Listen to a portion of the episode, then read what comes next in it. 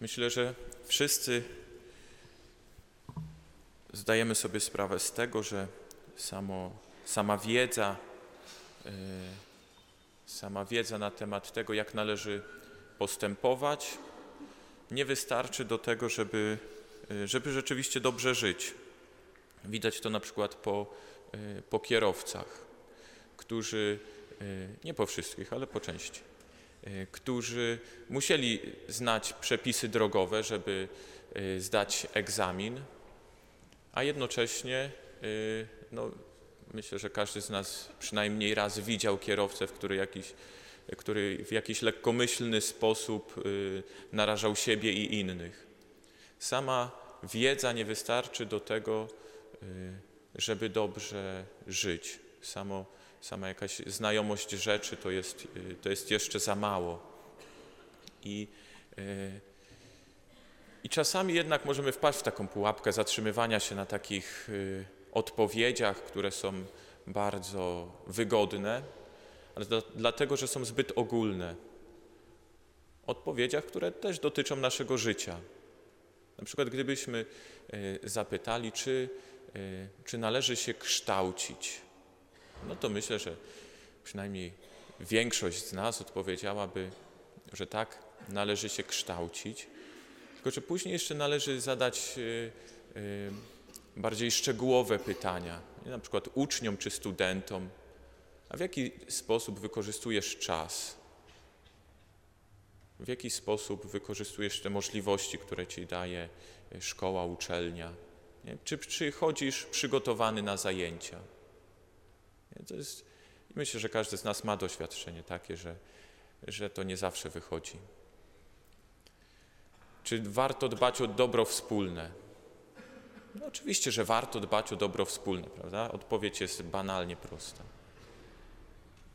Ale w konkrecie, na przykład jeżdżenie bez biletu, płacenie podatków, no to już rzeczy nagle stają się mniej oczywiste. I podobną rzecz pokazuje nam dzisiaj Jezus.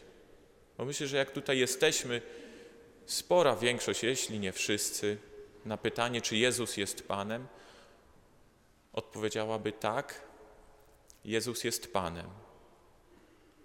Tylko, że to jest znowu to pytanie, które możemy zostawić dla siebie na poziomie bardzo ogólnym i bardzo wygodnym i stwierdzić, no tak, ja jestem osobą wierzącą, podążam taką porządną.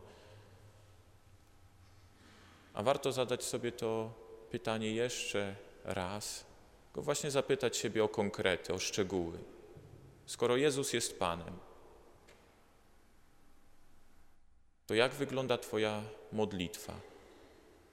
W jaki sposób troszczysz się o sakramenty w swoim życiu? O spowiedź, o Eucharystię? Jeśli Jezus jest Panem, to w jaki sposób odkrywasz i podążasz za tym, co naucza Jego Kościół w sferze wiary i moralności?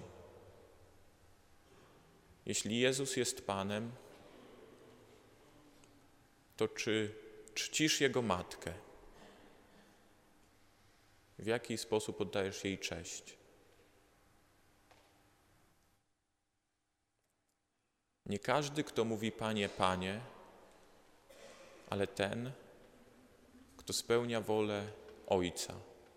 Wolą Ojca jest nasze uświęcenie, wolą Ojca jest nasza miłość do siebie nawzajem i do Niego, ale to jest w konkrecie. Nie można kochać ogólnie, odpowiadając na ogólne pytania. Kochamy w konkretnych sytuacjach, konkretne osoby. I dzisiaj warto się z tym zmierzyć. Czy ja odpowiadam sobie tylko na ogólne pytanie, czy Jezus jest Panem i w żaden sposób nie zmienia to mojego życia? Czy ja rzeczywiście patrzę, skoro Jezus jest Panem, to to zmienia moje życie. To ta odpowiedź ma znaczenie. I odpowiedź na to pytanie powinna prowadzić nas do pełnienia woli Ojca. Wtedy będziemy mieli pewność, że nie jesteśmy pustosłowni, wtedy będziemy mieli pewność, że nie jesteśmy nierozsądni, ale roztropni, że rzeczywiście żyjemy tym, co mówimy.